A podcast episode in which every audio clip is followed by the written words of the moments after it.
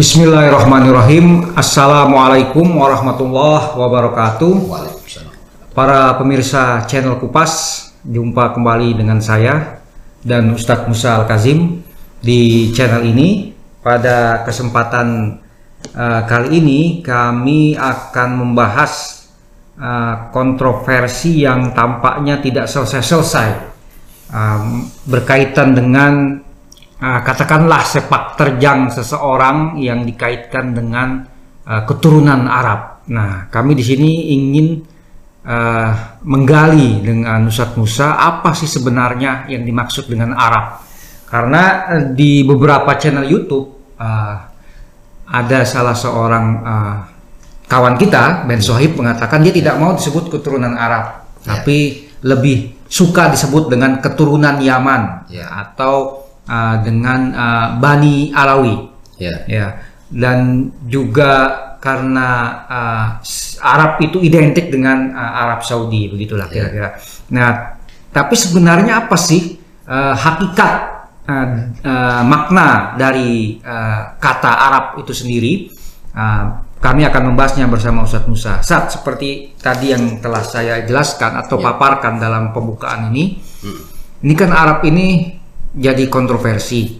Uh, seperti teman kita Ben Soeb mengatakan bahwa saya uh, bukan orang Arab, saya orang Indonesia, warga Ya. negara Indonesia. Memang saya memiliki darah salah satunya darah dari Yaman gitu kan. Ya. Nah, tapi uh, Arab itu sendiri apa dan apa sebenarnya atau siapa mereka keturunan Arab?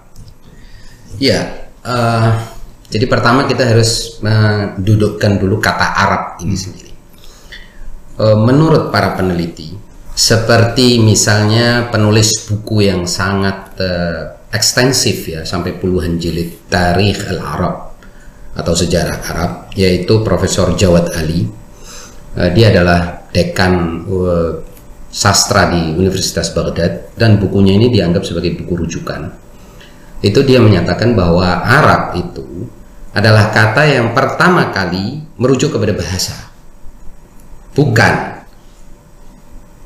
nasab atau genealogi, bukan juga eh, lokasi.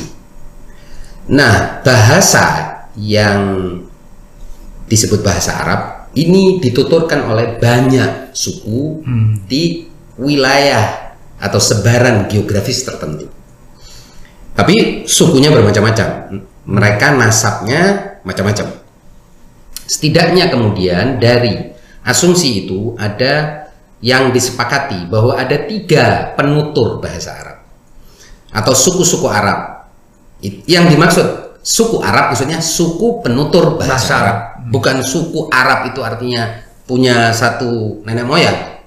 Tentu semua kita Adam ya, tapi maksudnya secara nasab, secara ilmu gene- ilmu nasab tidak disebut sebagai dalam satu suku. Yaitu al Arab al Baidah, yaitu penutur bahasa Arab atau suku-suku penutur bahasa Arab yang telah punah oleh sebab bencana alam maupun sebab bencana sosial maupun siksa Allah bagi suku-suku itu. Kemudian ada Al-Arab Al-Aribah, yaitu penutur bahasa Arab kuno yang juga sudah eh, terjadi perdebatan apakah bahasa Arab Al-Aribah ini adalah bahasa yang dipakai oleh Rasul dan Al-Quran atau tidak. Eh, umumnya mereka mengata- mengatakan tidak. Ini eh, bahasa Arab yang eh, berbeda, bukan bahasa Arab yang fasih. Hmm. Nah, kemudian yang ketiga adalah Al-Arab Al-Musta'aribah Hmm. yaitu penutur bahasa Arab yang mereka memang bukan asal muasalnya dari wilayah ge- geografis penutur bahasa Arab kategori pertama dan kedua. Hmm. Nah, jadi sebetulnya rujukan primer Arab itu kepada bahasa dan ini saya sudah tulis agak panjang lebar dalam sebuah penelitian bahwa eh, ketika disebut ain ra ba itu Arab itu maksudnya adalah bahasa Hmm. bukan nasab juga bukan lokasi geografis tertentu. Dan memang ternyata pembentukan bangsa atau pembentukan Iya. suku bangsa ya itu memang kadang-kadang dimulai dari bahasanya. Dan bahasa itu memang paling primer dalam pembentukan bahkan komunitas ya. Eh, karena itu komunitas itu bisa terbentuk juga komunitas kecil dengan bahasa khususnya. Mm-mm. jadi bahasa itu pengikat hubungan sosial antar manusia. Ini yang sering kali orang tidak sadari artinya kita itu bisa bahasa gaul tertentu kemudian kita punya lingkup pergaulan itu dan untuk masuk ke pergaulan itu kita mesti menguasai bahasanya. Jadi yang saya lihat dari eh, sejumlah eh, buku-buku utama itu bahas eh, Arab itu merujuk kepada bahasa dan mereka yang bisa menuturkan kemudian disebut sebagai orang Arab. Sang penutur bahasa itu. Gitu kira-kira. Nah karena itulah kemudian kalau kita merujuk kepada Al-Quran sebagai salah satu teks paling otentik yang masih tidak tersentuh oleh perubahan selama 1400 tahun ini kita menemukan bahwa penggunaan Arabi dalam bahasa dalam Al-Quran itu adalah untuk bahasa. Bilisanin Arabiyyin misalnya. Quranan Arabiyan seperti misalnya dalam surat em, Yusuf ayat 2 Inna anzalnahu Qur'anan Arabiyyan la'allakum ta'qilun kemudian dalam surat Ar-Ra'd ayat 37 juga begitu, wa kadzalika anzalnahu hukman arabiyyan jadi Arabiyan itu artinya yang memiliki sifat seperti bahasa Arab. Nah, yang menarik kalau kita rujuk kamus, apa itu Arab? Arab. Arab itu artinya melugaskan sesuatu, menegaskan sesuatu, menyatakan sesuatu secara tegas, jelas dan lugas. Jadi memang itu sifat bahasa. Nah, kemudian belakangan disebut orang yang menuturkannya sebagai Arabi atau Arab, Arabi. Tetapi para penutur bahasa Arab ketika menyebut Arabi itu maksudnya peyoratif, jelek, konotasinya buruk. Dan Al-Qur'an pun ketika menyebut Al-A'rab dalam 9 ayat yang berbicara tentang mereka atau menggunakan istilah itu hampir semuanya buruk, sifatnya jelek. Mereka siapalah kalau ditanya siapalah siapakah al-a'rab itu? Ya al-a'rab itu berarti orang-orang yang menggunakan bahasa Arab. Maaf, eh, dalam Al-Qur'an kata Arab itu digunakan sebanyak 10 kali. Dan hampir semuanya buruk. Hmm. Semuanya berupa kecaman terhadap al-a'rab. Hmm. Nah, siapa al-A'rab? Al-A'rab adalah orang-orang yang menutup bertutur bahasa Arab, kemudian mereka berperilaku buruk, Hmm. maka dikecam. Nah, yang menarik lagi, biasanya lawan dari Arab, al-Arab ya, atau Arabi dalam bahasa Arab adalah ajam. Hmm. Ajam itu arti asalnya adalah bertutur secara tidak jelas. Hmm. Nah, makanya Al-Qur'an pun menyebutkan ketika eh, membahas tentang Arabi ini ya bah- bahwa Al-Qur'an ini turun dalam eh, bahasa yang jelas itu dikontraskan yaitu dalam surat Fussilat ayat 44 itu dikontraskan dengan ajami. Ajami itu artinya ajam bahasanya tidak lugas, tidak jelas, tidak bahasa Arab yang tegas. Misal walau ja'alnahu Qur'anan a'jamiyan laqalu law la fussilat ayatu. Lalu Allah mengata, mengatakan a'jamiyun wa arabiyyun qul huwa lil ladzina amanu hudan wa shifa. Dan jikalau kami jadikan Al-Quran itu suatu bacaan dalam bahasa selain Arab, ini terjemahan tepak ya, artinya selain bahasa dengan sifat yang lugas dan jelas dan tegas, yaitu Arabi, dengan kata lain aj- bahasanya Ajami, tentulah mereka akan mengatakan mengapa Al-Quran ini tidak dijelaskan ayat-ayatnya. Berarti di sini dikontraskan apa? Arabi dengan Dengan Ajami, karena Ajami itu adalah bahasa yang tidak jelas. Hmm. Makanya orang kemudian bilang, ini orang Arab apa orang Ajam?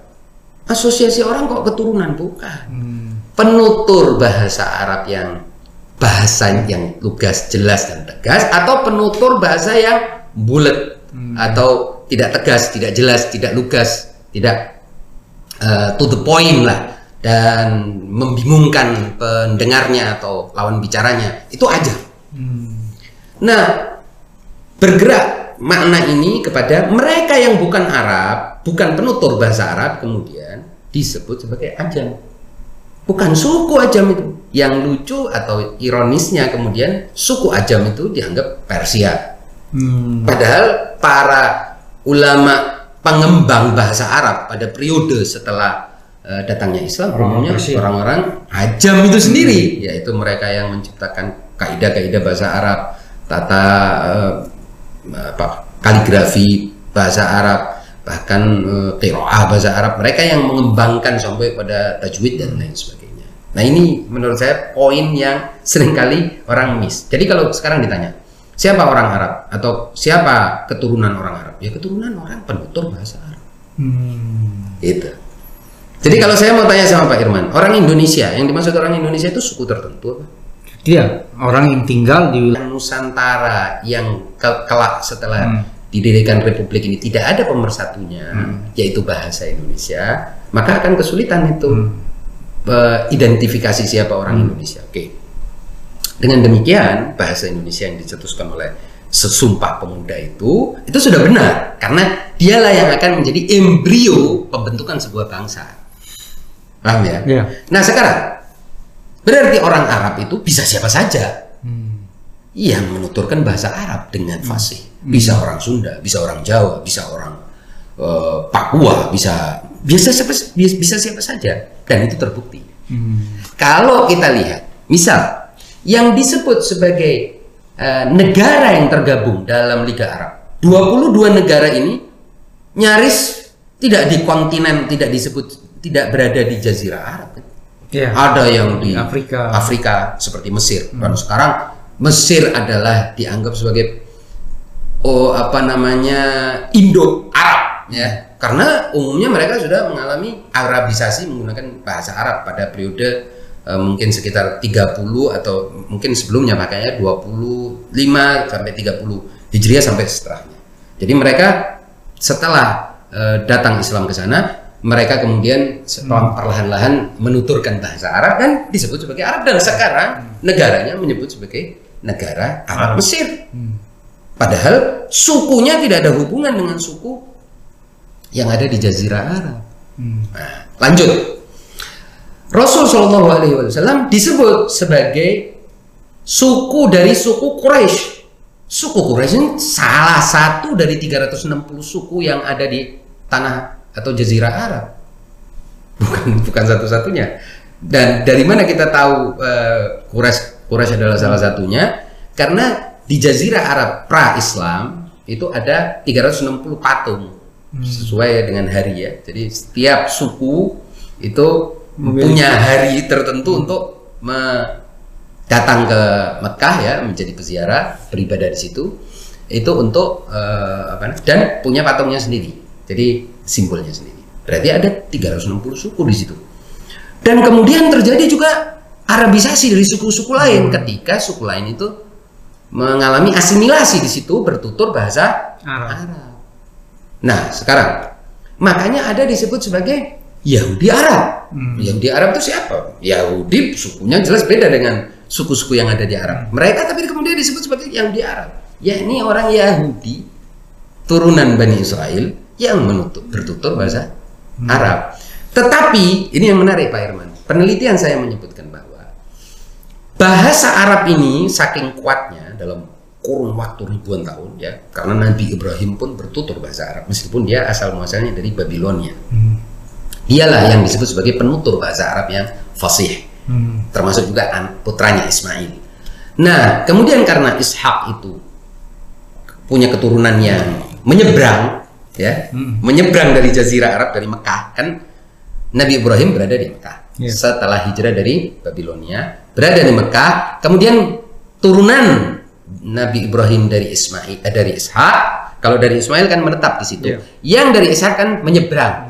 Mereka disebutnya menuturkan bahasa Ibrani. Ibrani itu, Itu itu masih- Abara. Ya masih satu Satu rumpun. Satu rumpun kata ya. Ya. Ah, ah, tapi Abara dalam bahasa Arab itu artinya nyebrang. Hmm. Jadi Ibrani itu artinya orang-orang yang semula di tanah Jazirah Arab menyeberang Hmm. ke sana ke Palestina dan sampai ke Mesir sana Hmm. sampai kemudian Nabi Musa mengentaskan Bani Israel dari penindasan Firaun artinya ribuan tahun setelah jadi ini bisa kita jadikan sebagai makanya disebut mereka sebagai penutur bahasa Ibrani Hmm. yaitu mereka yang menyeberang cross the continent Ah, bukan kontinen ya the Iya. ah, ya jazirah ya. Jazirah. Jazirah, ya. Nah, subkontinen ya disebutnya. Eh, nah, ini yang menarik adalah bahwa akarnya sebetulnya dari bahasa Arab. Hmm. Nah, tetapi orang kemudian, nah, satu lagi Pak Irman, kalau kita tadi Al-Quran, kalau Al-Quran jelas menggunakan Arabi itu dalam lisan, dalam pengertian bahasa. Ya, Quranan Arabian artinya Quran yang berbahasa Arab, bukan Quran keturunan Arab. Tidak ada. Ya, bilisanin Arabi, ya, bilisanin Arabiyyin mubin dengan tutur kata Arab yang jelas. Ya, maksudnya Al-Quran ini bahasa Arab, bukan punyanya keturunan Arab. Jadi kalau begitu sebenarnya berbeda ya dengan uh, apa Yahudi dan Gentile itu ya. Non Yahudi dan Yahudi kan kalau Yahudi benar-benar memang Ras. ras ya. Ya, beda. Bahasanya Ibrani tadi ya. Ya, bahasanya Ibrani. Mereka yang telah menyeberang dari Jazirah Arab ke tempat lain. Jadi kalau konteksnya Yahudi kan yang non Yahudi kan disebut Gentile itu memang ras ya. Ras. Kalau Arab ini uh, tidak bisa dikatakan ras sama sekali, bah- karena memang bahasa. bahasa dan oleh sebab itu selain bukti-bukti Al-Qur'an ketika kita merujuk menggunakan eh, penggunaan kata Arab di dalam Al-Qur'an kita tahu bahwa yang dimaksud adalah bahasa. Kemudian dibedakan antara Arab ain ra ba dengan Arab. Arab itu siapa? Ya para penutur dari berbagai suku yang ada di jazirah Arab ketika itu para penutur bahasa Arab. Arab para para penuturnya. para penuturnya otomatis Arabi artinya orang yang menuturkan bahasa Arab dan umumnya Arab ini jelek 10 ayat menyebut mereka dengan kata jelek. Nah yang menarik kemudian kalau kita mau kembangkan sedikit adalah bahwa penutur ini menjadi id- identifier. Jadi penentu apakah dia Arab atau Hmm. bukan Arab bahasanya. Iya, iya. ya. Oleh sebab itu dalam hadis-hadis Nabi itu mengatakan apa? Ana afsahul Arab baida annani min Quraisy Hmm. dengarkan pernyataan Nabi ini hadis sangat masyhur ada dalam apa namanya buku-buku yang berbicara tentang sejarah Arab Eh, aku adalah paling fasihnya orang Arab Hmm. Kenapa Nabi tidak bilang aku paling mulianya orang Arab? Karena Arab bukan keturunan. Kalau dia bilang paling mulia, ah nggak nyambung dong. Hmm. Arab bukan keturunan kok paling mulia.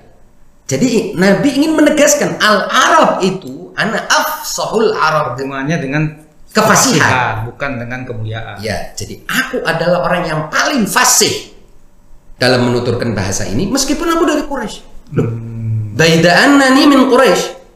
Apa maksudnya? tuh? Nah, di sini terjadi analisis panjang lebar oleh para ahli. Kenapa kok Nabi seperti ingin mengatakan Quraisy gak Bukan bukan penutur? Nah, kenapa? Karena memang penutur bahasa yang waktu itu dianggap sebagai fasih itu adalah tempatnya Halimah Sa'diyah di mana Nabi Hmm. disusui atau Jadi- di apa eh, Quraisy juga termasuk yang terarabkan juga. terarabkan juga dan bukan penutur asli yang fasih. Tapi Nabi menekankan bahwa saya penutur bahasa Arab yang paling fasih Meskipun, saya meskipun aku dari Quraisy. Nah, ada yang mengatakan maksudnya Nabi Baida itu adalah seperti itu. Ada yang mengatakan enggak. Baida itu Nabi ingin mengatakan meskipun aku dari suku Quraisy yang paling getol eh, membanggakan bahasa Arab, aku tetap yang paling fasih. Hmm. Maksudnya meskipun ini di sini maksudnya apa? Jadi aku adalah penutur bahasa Arab paling fasih meskipun aku dari orang-orang yang menganggap dirinya paling fasih berbahasa Arab. Meskipun seperti itu aku tetap yang paling fasih. Tapi jelas di sini Nabi membedakan antara Al-Arab dengan Quraisy. Itu yang paling penting bahwa Quraisy bukan bukan nomenklatur bahasa. Quraisy nomenklatur etnik, nomenklatur nasab, nomenklatur suku. Nah, jadi ini yang harus dipahami orang. Hmm. Ya. Ketika kita pegang ini, maka kita akan hilang berbagai eh, kita akan terklarifikasi dari berbagai kompleksitas dan paradoks yang muncul belakangan ini. Hmm. Seperti yang diusulkan oleh uh, Ben Soheb bahwa ini sebetulnya Arab itu sekarang Arab Saudi. Nah, Arab Saudi bukan penutur bahasa Arab yang baik. Kalau kita lihat raja-raja Arab Saudi ini juga bukan raja-raja penutur bahasa Arab. Mereka sendiri juga tahu lah itu. Mereka juga sebagainya apa namanya elit Saudi itu sendiri uh, belajarnya di uh, Barat ya, bukan penutur bahasa Arab yang baik. Bahkan kalau ngomong pun bahasa Arabnya bahasa Arab yang cenderung aja, ya bahasa Arab yang cenderung tidak jelas, bahasa Arab yang cenderung tidak uh, Iya. baik. Tapi kenapa dia mengklaim Al Mamlakatul Arabiyatus Saudi?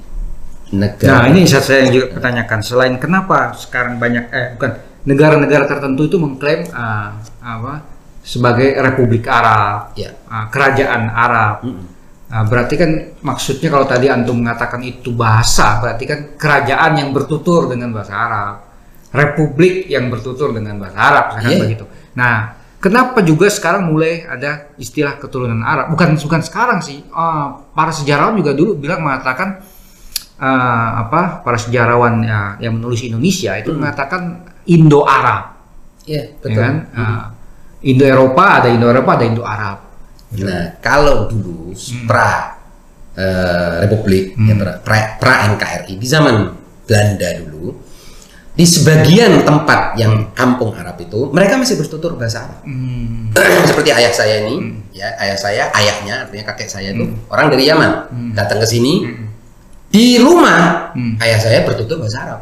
Dan di Ampel itu, eh, dia lahir di Surabaya daerah Ampel, Ampel itu mereka bertutur bahasa Arab. Jadi dari kecil ayah saya itu bertutur bahasa Arab karena waktu itu bahasa Indonesia belum dicetuskan sebagai bahasa resmi Republik Indonesia. Hmm. Nah, jadi bahasa Arab inilah yang kemudian berkembang. Nah, para sejarawan barangkali di sini agak toleran, mentoleransi istilah sehingga keturunan Arab itu maksudnya keturunan para penutur bahasa Arab atau keturunan yang berbahasa Arab, Hmm. keturunan orang yang berbahasa Arab. Jadi eh, kalau bahasa Inggris lebih jelas ya, Arab speaking Hmm. descendant gitu ya. Jadi keturunan yang menggunakan bahasa Arab. Tapi bahasanya jadi hilang. Hmm. Padahal dari awal sebetulnya Arab itu ya bahasa. Nah, kalau sekarang kita bicara ini orang Arab bahasa Arab gak bisa bisanya bahasa Sunda ya kan lucu. Jadi nggak jelas. Padahal sukunya juga bisa jadi campur baur. Ya. Iya, iya. Nah, Dan betul sebetulnya Ben eh, yang saya, saya ingin tekankan apa yang disampaikan oleh Ben Sohaib dalam wawancara dengan Bung Ade Armando di Cokro TV itu benar sekali bahwa orang Arab yang datang, orang Arab maksudnya orang penutur bahasa Arab yang datang dari Yaman ke sini umumnya kan menikah di sini. Makanya dalam percakapan di kalangan para penutur bahasa Arab ini yang disebut keturunan Arab secara eh, salah kaprah itu itu umumnya menyebut orang Jawa atau non keturunan Arab itu sebagai akhwal. Hmm. Akhwal itu artinya saudara ibu. Pada umumnya mereka ibunya orang Iya, karena menurut catatan Atau- sejarawan juga, masalah saya lupa uh, orangnya buku terbitan Gramedia kalau tidak salah. uh, soal. Jadi kebanyakan uh, imigran dari Hadramaut itu laki-laki. Yes, 100%. Oh, iya. Nah, gitu, itu bedanya dengan mungkin imigran dari tempat lain. Karena kita umumnya tidak membawa istri dan menikah eh, Dengan nenek moyang itu Hmm. penduduk setempat. Oleh sebab itu penduduk penduduk yang ada itu kita sebut artinya yang kita sebut sebagai akhwal. Mm-mm. Akhwal itu eh, kata Khal. plural dari khal. Khal itu saudara ibu. Hmm. Ya, khal itu lak- lakinya, khalah itu perempuannya. Dan umumnya mm, kita menyebut non eh, keturunan penutur bahasa Arab ini sebagai saudara ibu kita. Hmm. Nah, jadi itu bentuk penghormatan juga tentunya ya, bukan kata-kata yang eh, jelek. Makanya kalau orang eh, yang tidak paham, ya, kalau disebut akwal dikira jelek. Enggak, akwal itu saudara ibu. Artinya ya kita ini sebenarnya sudah secara otomatis sudah menjadi bagian dari eh, ada percampuran darah di situ. Nah, Jadi sebenarnya kalau itu bahasa kurang tepat kalau sa- saat ini ya, karena kan penuturnya otomatis kan kita sudah penutur bahasa Indonesia apa sih uh, secara mayoritas kita atau secara umum di publik itu bahasa Indonesia kan. Iya. Nah, otomatis kalau disebut keturunan Arab kurang tepat kurang tepat karena ya sudah karena orang Indonesia. udah orang Indonesia dan nggak bisa bahasa Arab sebagian besarnya sebagian besar ini saya bicara mungkin 90% itu sudah tidak bisa bahasa Arab sama sekali. Ya kalau bisa anak inte ya orang Betawi juga bisa. Iya, kecuali yang tepat ya seperti yang dikatakan Ben Sohib, keturunan dari Yaman. Ya, ke- Alawi itu atau tepat. ah, etnis ah, atau apa keluarga Alawi Hmm, gitu kan. keluarga, eh, karena ada eh, kakek moyangnya yang Ba'alawi itu yang disebut Ba'alawi artinya itulah yang jadi eh, nenek moyang dari ke- Ya. eh, mayoritas ya keturunan penutur Arab di Indonesia ini.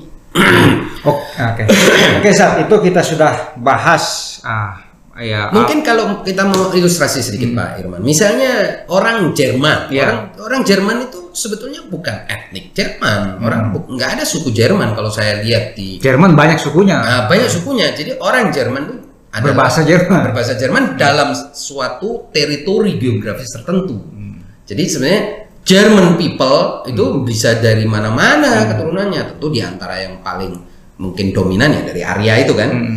Arya sama sama Persia. Ya. Tapi bahasanya berbeda. Karena bahasanya berbeda, orang Persia nggak Bangsanya berbeda kan. nggak disebut orang Jerman. Ya. Nah, saya kira ini penting untuk. Jadi ketika kita menyelidiki sesuatu, eh, kita pasti hati- hati-hati. Hmm. Dan tidak ada sebetulnya negara Arab. Nggak ada. Sem- Semua pada klaim semuanya negara Arab. Ya.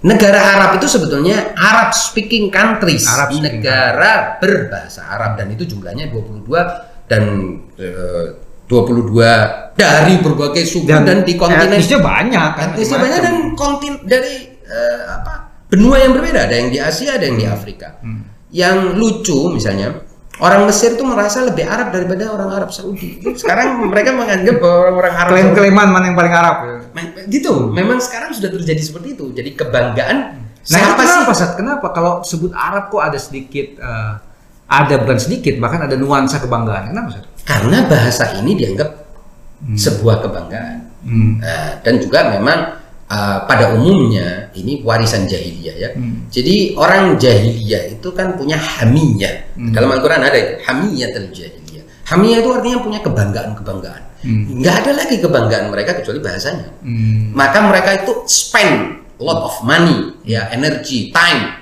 waktu, energi, uang, investasinya di bahasa itu. Makanya festival mereka terbesar itu haruslah berupa festival deklamasi eh, puisi, ya. Jadi penyair itu punya kedudukan yang sangat tinggi. Mungkin sekarang seperti influencer atau eh, Hmm. apa apa key, tweet, key eh, opinion leader ya. Oh, Eh, iya, iya. ya. Jadi mereka itu menjadi key opinion leader dan Allah Subhanahu wa taala makanya mengingatkan bahwa nabi ini bukan penyair.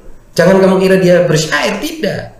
Wah, dan eh, di dalam Al-Qur'an disebutkan bahwa tidak pantas bagi nabi ini bersyair karena nabi bukan sedang mempengaruhi orang untuk tujuan-tujuan politik, sosial, ekonomi dan lain sebagainya. Tidak, dia sedang mendengar wahyu dan dia sampaikan wa ma 'alaika illal balagh. Kamu cuma mau menyampaikan sesuatu gitu kan.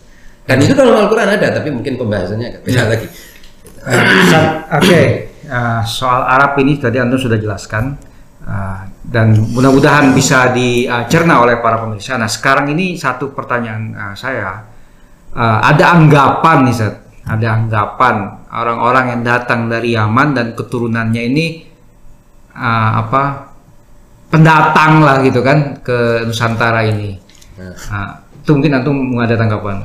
Ya saya kira saya setuju dengan apa yang disampaikan oleh Bin Sohib dalam uh, wawancaranya dengan Bung Ade bahwa istilah pendatang itu menjadi uh, semacam hinaan ya buat kita. Kan kita juga sudah bahas pada beberapa waktu lalu bahwa sebetulnya uh, imigran itu imigrasi lah. Secara umum manusia itu berimigrasi ke mana-mana. Jadi dan itu bukan aib. manusiawi imigrasi itu kan. bukan aib. Peradaban demi peradaban melakukan itu sudah itu sudah tidak relevan lagi Iya, dibicarakan. itu sebetulnya kata-kata yang agak sedikit tidak layak lah, Hmm. apalagi datang dari orang yang eh, ber- terhormat ya, Hmm. tidak layak. Itu sebenarnya istilah yang tidak layak dan manusia ini berimigrasi ke mana-mana. Iya. Jadi untuk apa sih dibahas lagi dan migrasi itu bukan perbuatan nista. Hmm. Nabi bermigrasi. Bahkan sekarang juga hukum-hukum internasional menghormati para imigran kan. Persis. Hmm. Jadi artinya kita lebih maju lah dalam berbicara Hmm. dengan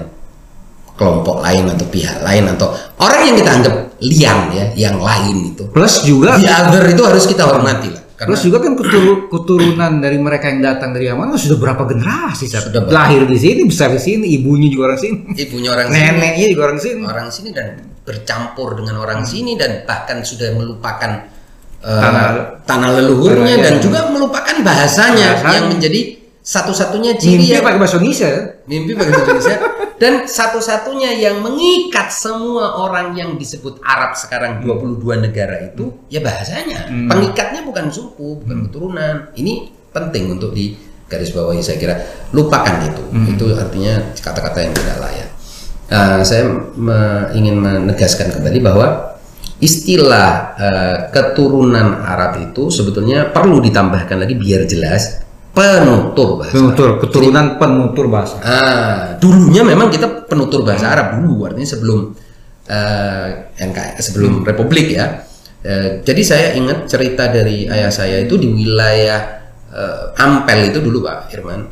Selain anak-anak itu sekolah di mm, sekolah-sekolah itu berbahasa Arab, mereka juga bacanya koran bahasa Arab, bukunya bahasa Arab, di rumah juga mereka berbahasa Arab. Tapi begitu eh, proklamasi kemerdekaan dan Indonesia memutuskan Indonesia bahasa Indonesia sebagai bahasa official, ya mereka sudah lupakan itu. Ya sebagian malah bahasa lokal ya. Ya turunan generasi kedua biasanya sudah tidak mampu berbahasa Arab dengan baik bahkan apalagi ketiga dan keempat. Ada yang sudah sampai ke lima enam di sini kan wah sudah sama sekali cuman taunya anak inti apa kabar bekar bekar apa kabar bekar assalamualaikum Ya, bisa. semua orang semua bisa Orang, iya, iya, ya iya. orang Indonesia Orang semua bisa, bisa, bisa. Assalamualaikum, waalaikumsalam. Iya, iya. kira-kira begitu Oke, baik Sat. Terima Ya. kasih atas penjelasannya yang menurut saya sangat eh, lugas dari Ustaz Musa tentang apa itu Arab dan eh, apa sebenarnya apa sih eh, siapa siapa sih keturunan Arab itu? Apakah tepat kita menyebut keturunan Arab ataukah tidak? Eh, demikian para pemirsa sekalian, eh, jika para pemirsa menyukai konten-konten dari channel ini, eh, silahkan di like dan di subscribe. Uh, demikian uh, kurang lebihnya kami mohon maaf. Billahi taufiq. Wassalamualaikum warahmatullahi wabarakatuh.